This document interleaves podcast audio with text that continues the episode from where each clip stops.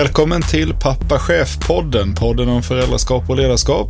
Jag heter Johan Palmberg och det är jag som är pappachefen.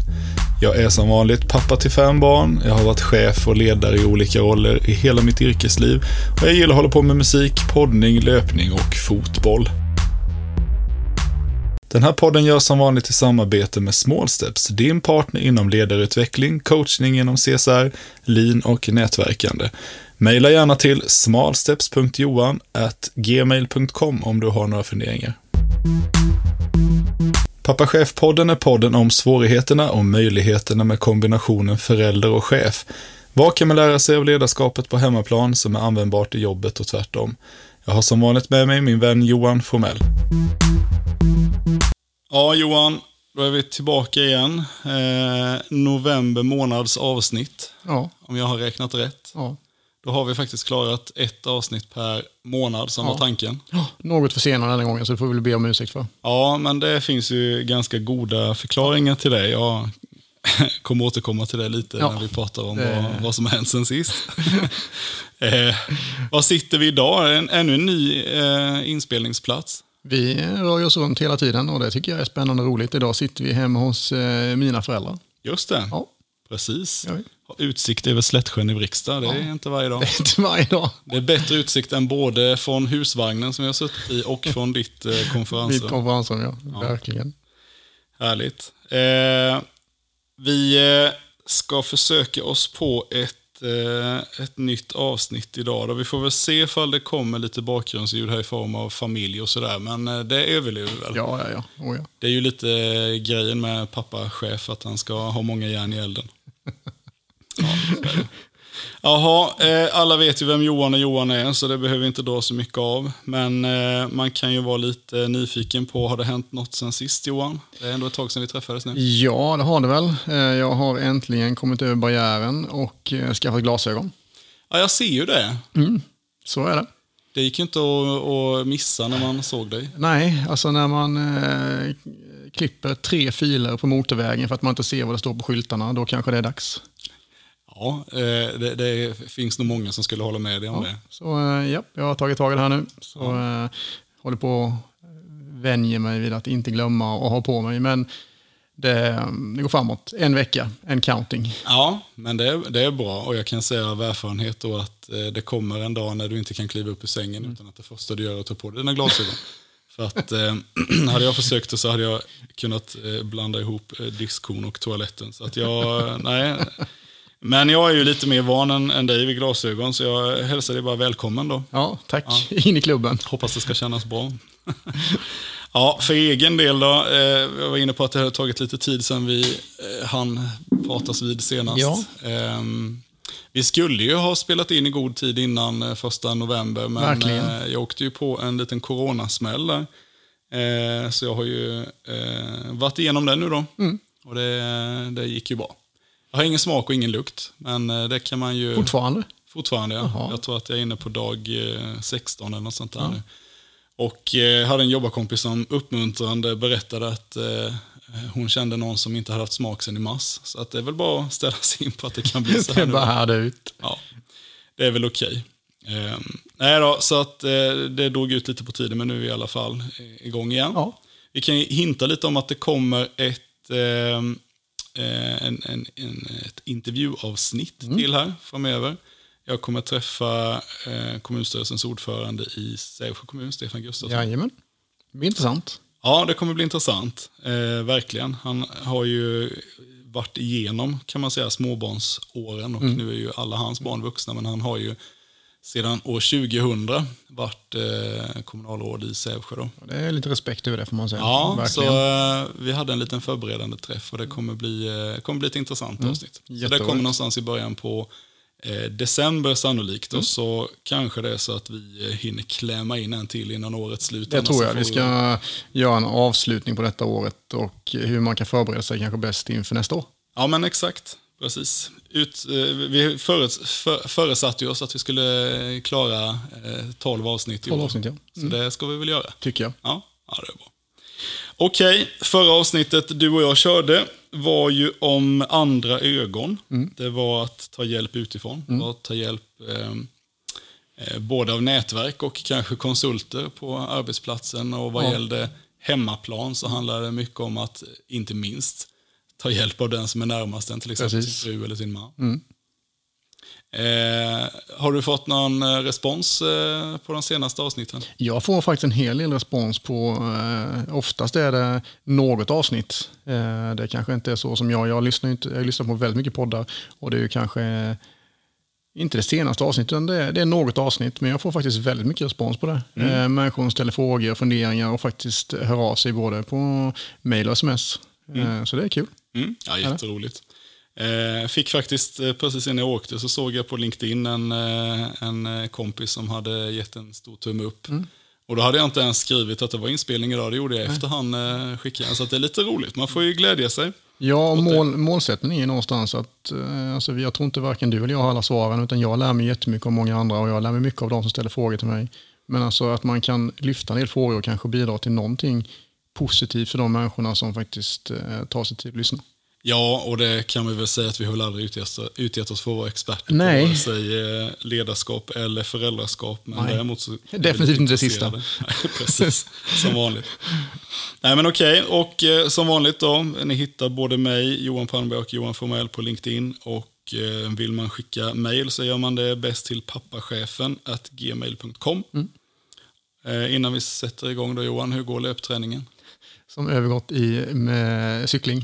Ja, Men eh, det går faktiskt bra. där? Jag är kvar där och cyklar och eh, tycker det eh, fungerar väldigt bra. Mm. Eh, faktiskt särskilt den här årstiden med när det är regnigt. Och, alltså, nej, jag gillar att cykla. Vi Mm. går helt enkelt över, till det. Själv då? Ska jag börja fråga kanske i framtiden hur går cykelträningen? Ja, jag tror det. Ja. Hur går det själv med löpningen? Nej, men jag, jag får säga att fram till jag blev sjuk här nu, jag blev ju alltså sjuk den, eh, ja det började egentligen den 18 oktober, så det är ju en månad sedan snart. Men eh, fram till dess så hade jag faktiskt en riktigt bra track record. Jag cyklade och jag sprang eh, tre, fyra gånger per vecka. Oj, Sen har jag inte gjort någonting på en månad. det är dags att starta nu. Ja, jag var ute och cyklade. Försiktigt. Jag var ute och cyklade en mil igår. Ja. Ja, lite skog och lite asfalt, men eh, jag var helt slut när jag kom hem kan jag säga. Jag tror det är viktigt att inte sluta. Ja, det är väl så. Nu har jag varit tvungen att hålla uppe dem, men nu är det väl bara att försöka hålla i här igen. Då. Så länge det är barmark så ska man väl kunna köra i alla fall. Mm. Okej, vi släpper träningen. Vi vet ju att det inte är vår starka grej. eh, Okej, dagens avsnitt. Förändring är ett tillfälle att växa. Ja. Eh, som vanligt är det ju du som kommer på temat och sen är det jag som får knåda det. Ja. Vi får se var det här landar, men eh, lite grann om jag fattar dig rätt Johan, så var det ju eh, utifrån världsläget vi sitter i. Ja. Eh, vi har ett val i USA som eh, man kan väl säga Man kan ha synpunkter viss... på, det finns båda sidor som har synpunkter på det. Ja. Beroende på vad man tycker. Absolut, man kan väl bara säga att det skapar väl en viss eh, oro just nu i eh, både det landet men också i världen i stort i och med att det är lite svårt att få det avklarat vem som har vunnit. Eller ja, det är egentligen inte alls särskilt svårt, det är bara att den, den ena inte ger sig riktigt. Eh, men sen har vi också, som ju, vi ju vet, vi har vant oss vid det här året, en coronasituation som Jajamän. påverkar oss. Eh, och då är det ju så att förändring är oundvikligt. Eh, och då tänkte vi att temat där eh, är ju intressant. Och då skrev du så här till mig. När saker förändras och tiderna är osäkra så ökar våra nivåer av ångest och stress. Ja. Och då är ju frågan, hur gör man då eh, så att förändring blir ett verktyg för tillväxt istället? Och det, då tar jag väl den enkla frågan till dig då Johan. Eh, hur reagerar du på förändring?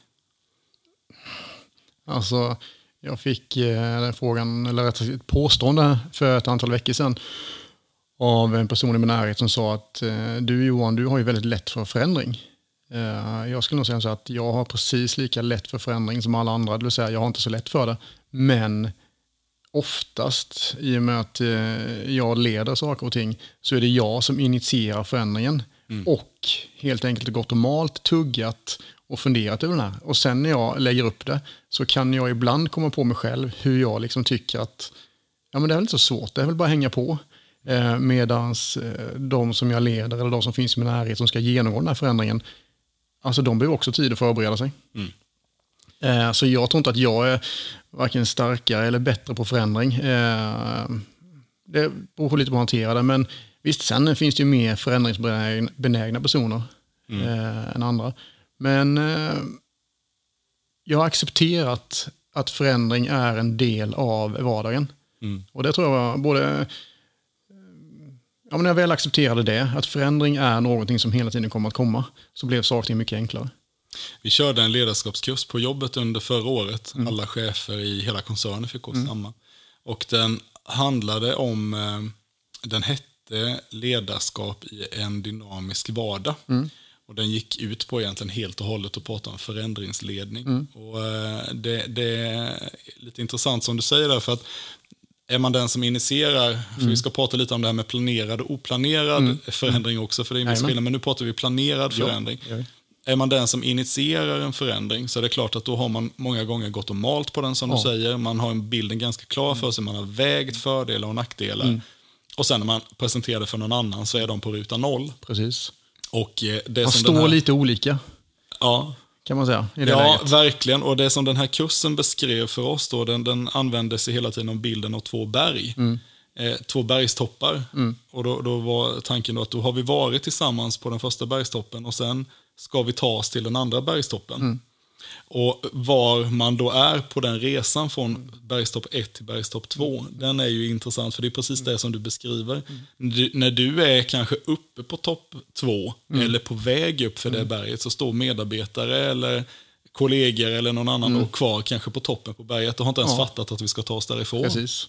Och så ska man vara medveten om att den här resan kommer vara olika för alla. Medan en del kommer springa över till topp två. Ja. Och sen har du de som motvilligt kommer, de kommer, de kommer stå kvar. Och sen de andra kommer röra sig sakta, sakta Mm. mot eh, toppen. Ja, det, det är jätteintressant och eh, jag tror också precis som du att, eller jag är ju precis som du många gånger den som är med och initierar en, en förändring, framförallt om vi pratar på arbetet. Då. Eh, och jag har ju saker just nu som jag har med mig, som jag har jobbat ganska länge med i mitt huvud, som jag vet att vi ska kanske presentera framöver för, för våra medarbetare. Eh, och precis den bilden är lite viktig att ha med sig då. Nu är jag där, men var är mina medarbetare någonstans? Eh, för egen del så kan jag reagera på förändring. Jag, jag, jag, jag säger som du, jag är nog säkert som alla andra. Eh, jag tror, eller jag vill nog gärna, jag hade nog önskat att jag var väldigt bra på att hantera förändring. Men ju äldre jag blir och ju längre jag jobbar som chef och ledare, desto mer upptäcker jag att jag är egentligen inte särskilt eh, förändringsbenägen. Jag är inte särskilt förtjust i förändring. Förändring gillar ju alla så länge det är någon annan som blir drabbad av det. Ja, precis. Eh, och eh, ja, jag märker att jag tycker att det är mer och mer jobbigt med förändring. Eh, men det är ju skillnad, som vi var inne på här, då, på planerad och oplanerad förändring. För det vi pratar om här nu, det är ju ändå någon form av planerad förändring. Ja. Men det som, det som frågeställningen egentligen utgår från här, som vi gick in i då, att när saker förändras och tiderna är osäkra, så ökar nivån av stress och ångest. Då. ja, mycket. Och när vi pratar då den oplanerade förändringen, för det är ju många gånger det som, som stekar till det mer för oss. Jajamän. Coronapandemi eller vad det nu kan vara. Då. Ehm, hur reagerar du på sådana förändringar? Om vi tar som coronapandemin så var det mer så här, liksom, när de började prata om att stänga. Mm. Så var det, alltså jag gick väl och sa, nej det kommer inte hända, nej det kommer inte, nej det kommer inte. Och där hände det. Alltså den obotliga optimisten. Ja, eh, lite det. sådär, det kommer inte hända, det kommer inte hända, liksom, nej, nej, nej, det är, liksom, det är för stora apparater en efter andra. Optimist på gränsen till förnekare. Ja, men lite så faktiskt. Sen vill man inte, alltså, sen samtidigt vill man inte att det ska hända, för man vet ju att det kommer påverka massa Så grejer som man gör. Eh, men när det väl sker, och när det väl händer, så har jag, fått, alltså jag finner mig ganska snabbt. Eh, och det tror jag är det viktiga när vi pratar de här oplanerade förändringarna. Mm. För det har väl varit eh, lögn att säga att någon av oss på något sätt eh, hade kunnat påverka coronapandemin. Nej, Den det- kan jag inte göra så mycket åt. Nej, det är väl svårt. Eh, jag tror det viktiga någonstans där är att man någonstans tittar på vad kan jag påverka? Mm, Och lägga energin där. just det. För jag märker ju många människor som, och som man möter, och det handlar inte bara om detta, det handlar om mycket annat. Att man försöker lägga så otroligt mycket på energi på att ja, men om den personen gör si, eller om den säger det, eller om vi hamnar där, eller om det sker. Ja, men kan jag påverka det? Och jag skulle säga att 90% av gångerna så är svaret nej. Mm.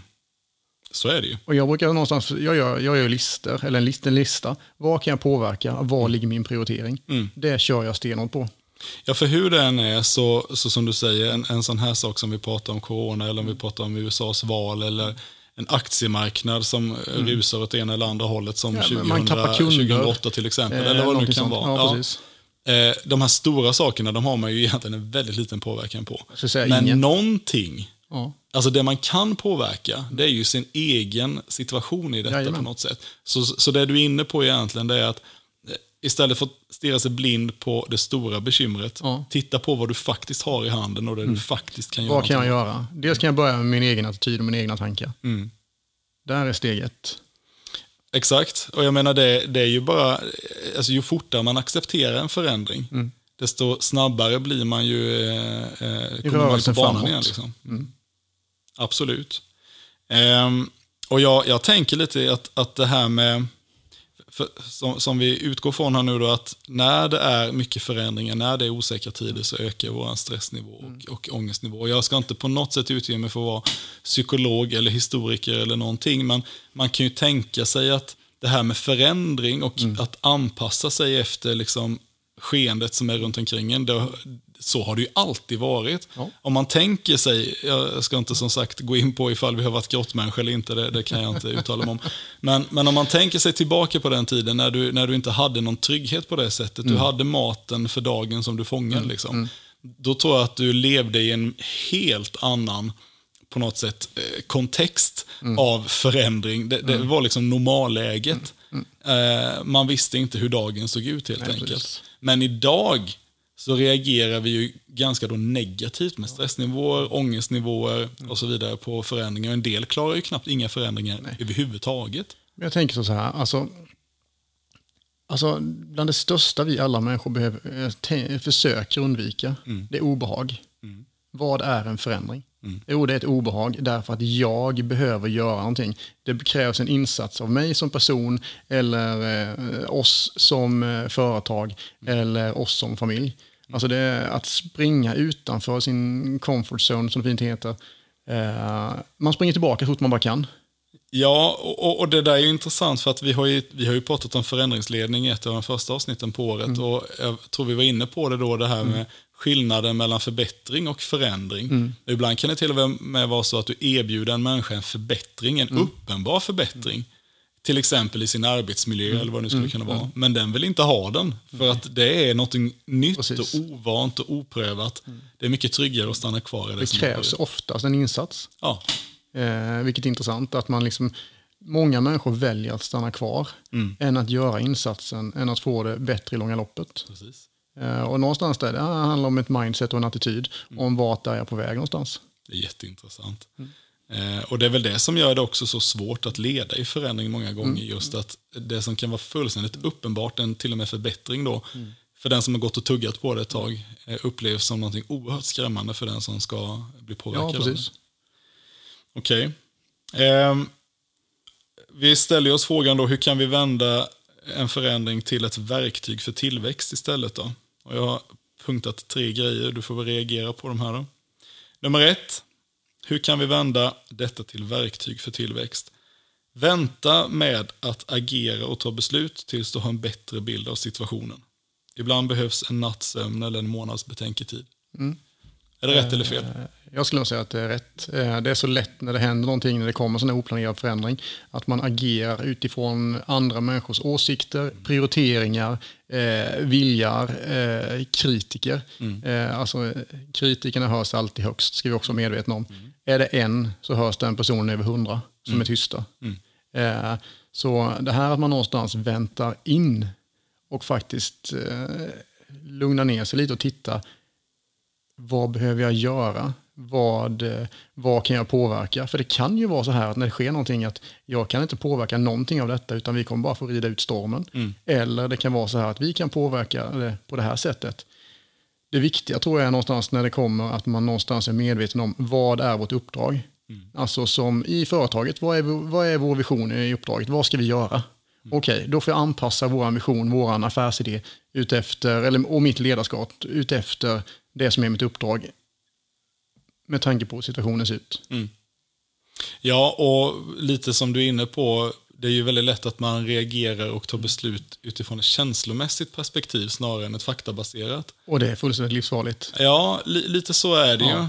ju. Ehm, så, så då kan vi kanske vara överens om att det kan finnas en, en, en, eh, en potential i att, ta ett andetag helt enkelt. Ja. Om det sen är en natt eller två minuter mm. eller en månad, mm. det kan ju vara beroende på situationen. Precis. Men att ta ett andetag mm.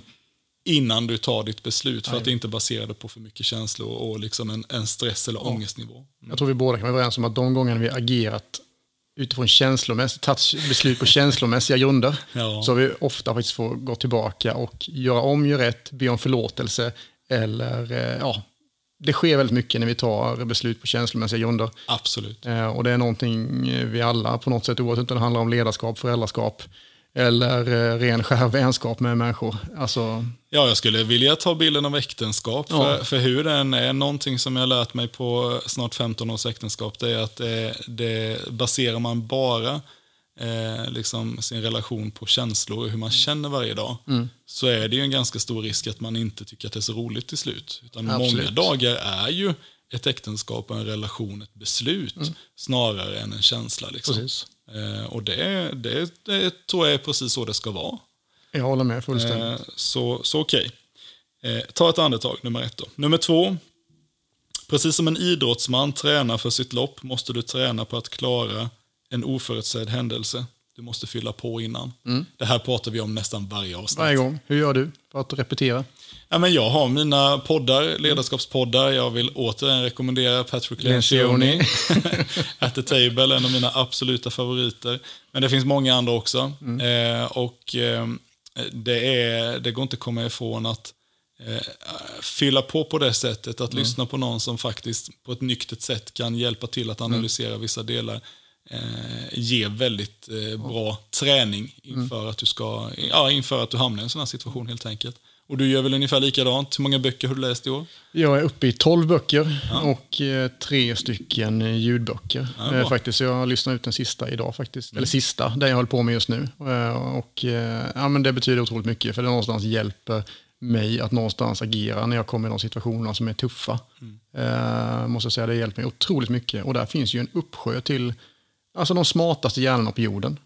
Alltså som man kan få ta del av. Verkligen. Genom att läsa en bok. Kan man träna på något annat sätt än att bara fylla på på så vis? Kan man liksom öva scenarier tillsammans med sin, eh, med sin uh, arbetsplats? Kan man uh, på något sätt, hur, hur, brukar ni göra när ni jobbar med strategifrågor och sånt här mm. till exempel? Vi har en rätt klar strategi så det är svårt att... sälj man, mer. Ja, sälj mer. Se till liksom. att Johan får ja, tjäna mer pengar. Ja, Nej, men man kan säga så här.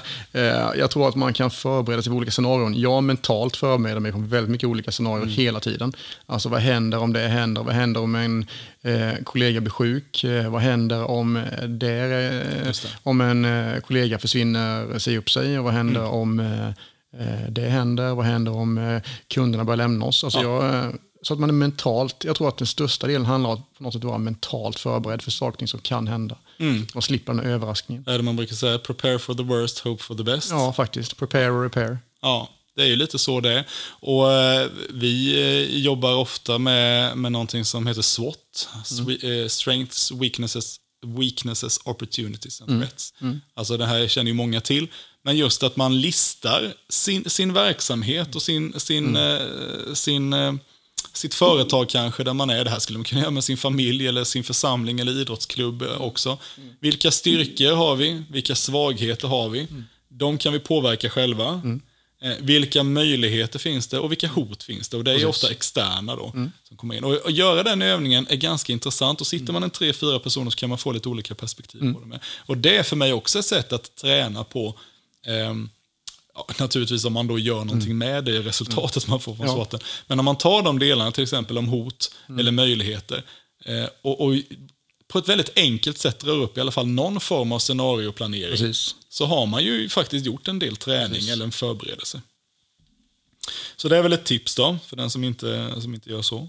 Och nummer tre, eh, det känns ju som att vi återkommer till samma punkter varje gång, men för att kunna vända en förändring till ett verktyg för tillväxt Fråga ditt nätverk om mm. råd. Ta skulle, hjälp av någon runt ja, omkring dig. Jag skulle säga så här också. Eh, alltså har du inget nätverk så eh, är det nog dags att börja idag. Så att du har människor runt omkring dig som kan hjälpa dig och som man kan rådfråga. Jag har ställt otroligt mycket frågor till människorna runt omkring mig senaste halvåret. Eh, häromdagen fick jag, bara bollade jag med en och så fick svaret Johan, skapa inte för mycket regler. Eh, och sådana här saker. Eh, vilket var ett väldigt, eh, bara en, en, mening som gjorde det väldigt mycket enklare för mig att fatta ett beslut. Mm. Så jag skulle säga att det här nätverk som man har runt omkring sig är otroligt viktigt och att man någonstans skapar det. För det skapar man själv. Det är ingenting som kommer till en. Det måste man någonstans faktiskt försöka göra själv. Precis. Ja, är helt rätt. Och Det finns ju många sätt att göra det på. Och jag, det, det, det, jag kan garantera det är för dig som kan känna att det känns lite pinsamt att gå till någon kanske lite halvbekant mm. eh, kollega eller någon i branschen, men mm. någon som du kanske ser upp lite till. Mm. Eh, jag lovar dig att går du och säger, kan inte vi ta en lunch idag och bara prata mm. om ledarskapsfrågor, mm. eller jag kämpar med det där och det där, hinner du? Jag garanterar att 99,9% av gångerna kommer du få ett, ett positivt ett ja, svar. Ja, absolut. Eh, för, för det där som man egentligen inte hinner, eh, sådana saker, mm. alltså när det handlar om det här som går lite utanför det vanliga, mm. det väljer jag i alla fall att prioritera. Jag tror vi eh, måste göra det. Vi måste, det gamla uttrycket, vi måste slipa sågen. Verkligen. Gör vi inte det så kommer vi inte bli effektiva. Nej, så är det ju. Ja, men, bra. Om vi växlar lite till föräldrasidan då, eller var vi klara på, på ledarskapssidan? Ja, men jag tror det. Ja, om vi tittar lite då som förälder, förälder hur vi kan tänka där då. Eh, vilka av de här sakerna är applicerbara där? Och då, då tänkte jag så här, jag skrev så här i, idag till dig, du kanske har läst det. Föräldraskap, ja. det är ju egentligen en enda lång förändringsresa. Mm. Kanske inte alltid så snabb. Men ibland så tar det ju kvantsprång och då har jag mm. listat några saker. Barnet börjar gå. Mm. Då händer det grejer. Yep. Från att det har varit lugnt och fint i huset, ungen har suttit och jollrat lite Till att man på... flyttar upp allting en, en och en halv meter. Exakt. Helt plötsligt blev det en förändring som blev ganska jobbig, framförallt ja. för förstagångsföräldrar. Ja. Eh, jag minns första sommaren när vi, eh, när vi var på stranden. Eh, första sommaren som mm. Agnes hade börjat gå. Sommaren innan var hur lugn som helst. Andra sommaren var ju totalt kaos. Då är det inte roligt. Nej. Eh, så är det ju. Okej, sen, sen kommer ju den nappen tas bort. Ja. En stor förändring ja. kan ju störa nattsömnen i flera Något. veckor. Vi har en napp som ska ges bort till tomten här i jul nu, det ska ja. bli intressant. Eh, en positiv förändring är ju potträningen, när äntligen det börjar fungera. Så när man slipper ha blöjor. Jag har alltid firat. det är för, mig, för mig själv. Ja. Underbart. Jag räknar lite på att jag, jag har ju någonstans eh, snittat, om man räknar lite på ungarna då, så har vi bytt någonstans runt 12-13 000 blöjor på våra fem ungar. så det är ganska skönt att det är över. Ja. Sen kommer första skoldagen. Ja. Det tar i pappahjärtat, framförallt när det är första barnet. Den lilla ryggsäcken ja. på ryggen. Lallar iväg. Den tycker jag är hemsk. Sen är det ju några saker som jag, inte, som jag är precis på gränsen till här nu med mina barn. Mm. Puberteten kommer ju. Ja. Eh, den är intressant. Nu är ju min äldsta en flicka, så min fru får nog ta mer av den utmaningen än vad jag gör i det här fallet. Men jag har ju tre grabbar sen som följer. Så det ska bli intressant. Och efter det så kommer ju någonstans den för, första hjärtesorgen. Ja. Den ser man ju inte fram emot, men Nej. den är ju oundviklig. Ja, jag tror det. Du har ju naturligtvis aldrig varit med om det, för du fick ju alla du... Eh... Ja, ja, självklart. Just det, ja. Men en sån som jag kan ju sympatisera med det. Och sen någonstans så flyttar de ju hemifrån. Ja. ja. Förhoppningsvis i alla fall. Så det är ju en enda lång förändringsresa. Det enda jag kan tänka, eller enda, det jag tänker med den här förändringsresan, när jag tänker på mig själv, hur det har varit fram till vårt äldsta barn är snart 12 här nu, det är att jag alltid är lite sen på det. Ja, du tänker att man inte är riktigt förberedd? Nej, ja, men inte förberedd så, men jag är alltid liksom, oj, nu har vi helt plötsligt hamnat här. Inte sådär liksom första skoldagen, den kom ju. Ja. Men just den mentala utvecklingen med ja, barnen, där kan jag ibland känna att jag ligger ja, men, ett steg efter. Och att ibland liksom att oj, nu har de kommit dit, nu förstår de detta. Just det. Eh, så jag, bara känt, jag har känt så några gånger. Ja. Eh, sen jag det har inte varit några större problem. Nej, men jag, jag, känt så, jag har känt så några gånger. Jag förstår vad du menar. Mm. Det, när man är i en förändringsresa mm. som är så pass långsam mm. ändå mm. och man ser den varje, varje, varje Precis. dag, kanske till och med varje timme nästan av deras liv. Mm. Så är det ju svårare att se när, man har, när de har gått från ett stadie till ett annat. Jag tycker det är lättare nu när barn nummer två och nummer tre, då har mm. liksom man gått igenom det här och därför tycker jag man ska nog inte ha så dåligt samvete. Eller känna att oj, där har jag misslyckats. Utan det här handlar mer om att liksom, ja, man är med och försöker göra sitt bästa. Och det kan vi väl säga, man ska väl aldrig ha dåligt samvete som förälder egentligen. Vi, vi, vi slår nog oss, generellt slår vi oss nog för mycket. Liksom. Det tror jag också. Eh, för att vi tycker att vi inte räcker till och så vidare. Jag tänker alla barn går igenom de här förändringarna. Eh, och eh, otaliga förändringar. Och våra barn kommer ju gå igenom olika typer av förändringar beroende på vad de möter. Eh, men jag känner att det viktigaste någonstans i det här sammanhanget är någonstans att finnas till, stötta och hjälpa. Om vi gör det, då känner jag att då har vi nog, de måste själva möta de här utmaningarna. Så vi, det finns ju uttrycket curlingföräldrar som är allmänt eh, känt. Man, eh, det är inte det vi ska göra, vi ska stötta och hjälpa och finnas där när det kraschar. Och eh, uppmuntra och glädjas när det går bra. Eh, för vi kan liksom inte curla igenom dem, det har vi sagt många gånger innan. Nej, exakt. Eh, Alltså på något sätt, en, ett, pratade lite med, ja men den här förintervjun jag gjorde då med Stefan Gustafsson som vi snart kommer göra till en riktig intervju. Där pratade vi lite om det här med, med kvalitet och kvantitetstid. Hur, hur många, eh, ja, men många stressade och jagade och hårt arbetande föräldrar eh, hänvisar ju till att kvalitetstiden är det som betyder någonting för barnen. Men vi hade ett resonemang han och jag om att vi tror att det kanske är kvantitetstiden som faktiskt Så är det egentligen betyder Jag någonting. tror det med. Alltså, eh, lead by example. Alltså Mm. du måste synas, eh, du måste finnas närvarande. Mm. Gör du inte det så kommer kvaliteten eh, vara ganska ointressant. Ja men exakt, och ett barn kräver, kräver nog mer kvantitet än kvalitet. För jag, Mm. Precis. jag tänker mina barn följer gärna med mig, eller gärna, mer, mer och mer sällan får jag väl säga det, men ibland följer jag med mig till soptippen eller till mataffären eller till tvätta bilen. Och det behöver ju inte alltid vara så att man pratar om jättemycket saker, men man är tillsammans, man gör någonting ihop. Och vad gör man för någonting? Ja, det är ju men, det som är grejen. Och det man liksom spelar ingen finns. roll liksom. Ja, nej, jag håller med dig. Ehm, så det är väl bara att konstatera att man är på en förändringsresa hela tiden Mm. som förälder. Ehm, och hur gör man för att parera det här då? Ja, men återigen då. Eh, vi, har, vi pratar ju om, om samma saker där som Mm. för en ledare. Fyll på med kunskap genom böcker och poddar med mera. Mm. Eh, prata, få erfarenheter från de som har varit igenom det. Ja, Jag pratar nog hellre med andra människor än att lyssna. I det här fallet faktiskt. Ja. Poddar när det gäller ledarskap och sånt. Så där är det mycket böcker och poddar. Men när det kommer till den här biten då lyssnar jag hellre på människor i min närhet som jag har förtroende för och som jag ser. Och det var det som gjorde att det var så intressant att prata med, med Stefan Gustafsson där. Då. Det kommer bli så en jätteintressant intervju just för att han har varit igenom den här resan. Han var, deras minste var två år när han började som eh, kommunalråd i- i eh, Sävsjö. Eh, och nu är han ju då eh, 22 bör han ju vara. Precis. Eh, och, och, och vuxen. Och hur man, hur man, eh, de erfarenheterna han har fått med sig i den resan Mm. tycker jag ska bli superintressanta att liksom plocka ur hans huvud. För att det, det är just det där man behöver. Ehm, återigen, nätverk.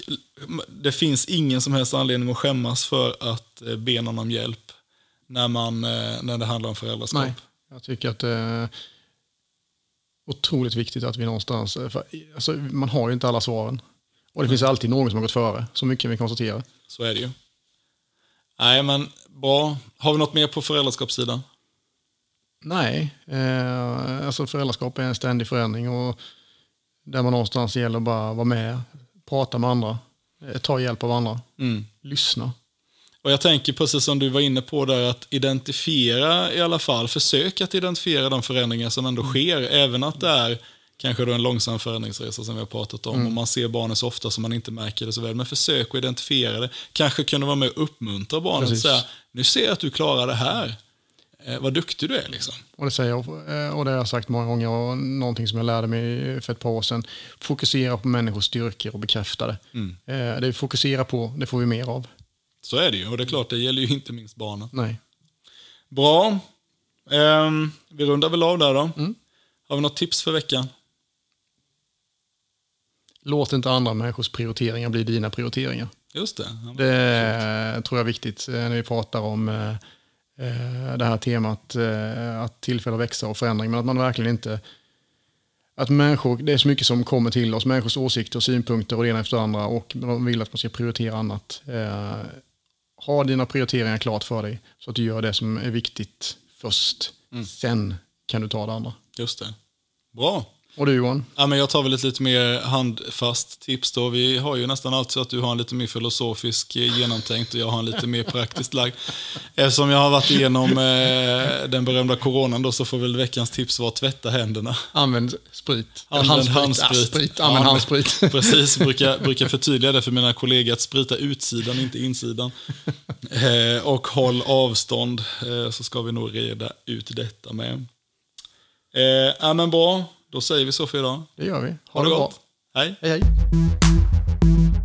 Detta var veckans avsnitt av Pappa Chef-podden. Jag hoppas som vanligt att du har fått med dig någonting användbart. Och till nästa gång, kom ihåg, det är viktigt att hålla både som förälder och ledare och det är möjligt. Ha det gott!